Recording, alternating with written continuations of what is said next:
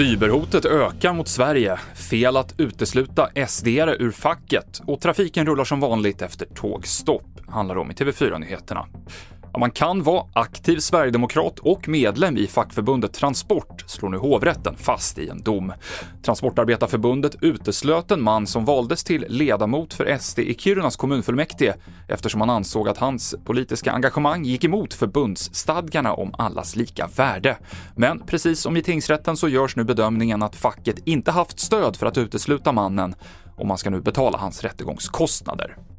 De tre personer som suttit anhållna misstänkta för att ha skjutit ihjäl en man i Södertälje i söndags har släppts på fri fot.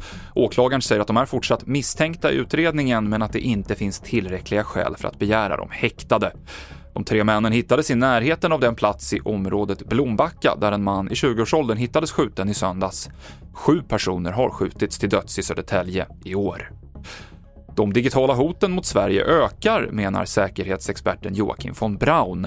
På bara några dagar har a-kassan, Försvarsmakten och Norrköpings kommun utsatts för cyberangrepp och de digitala hoten kommer främst från två stormakter, enligt von Braun. Från eh, eh, Ryssland och Kina, eh, särskilt Ryssland. Det har ökat dramatiskt det senaste året sedan eh, Ryssland anföll Ukraina. Bland annat för att visa svenska folket att det är oroligt. Man ska inte känna sig säker. Man ska inte lita på det svenska samhället. Det tror jag är den främsta orsaken till de här attackerna.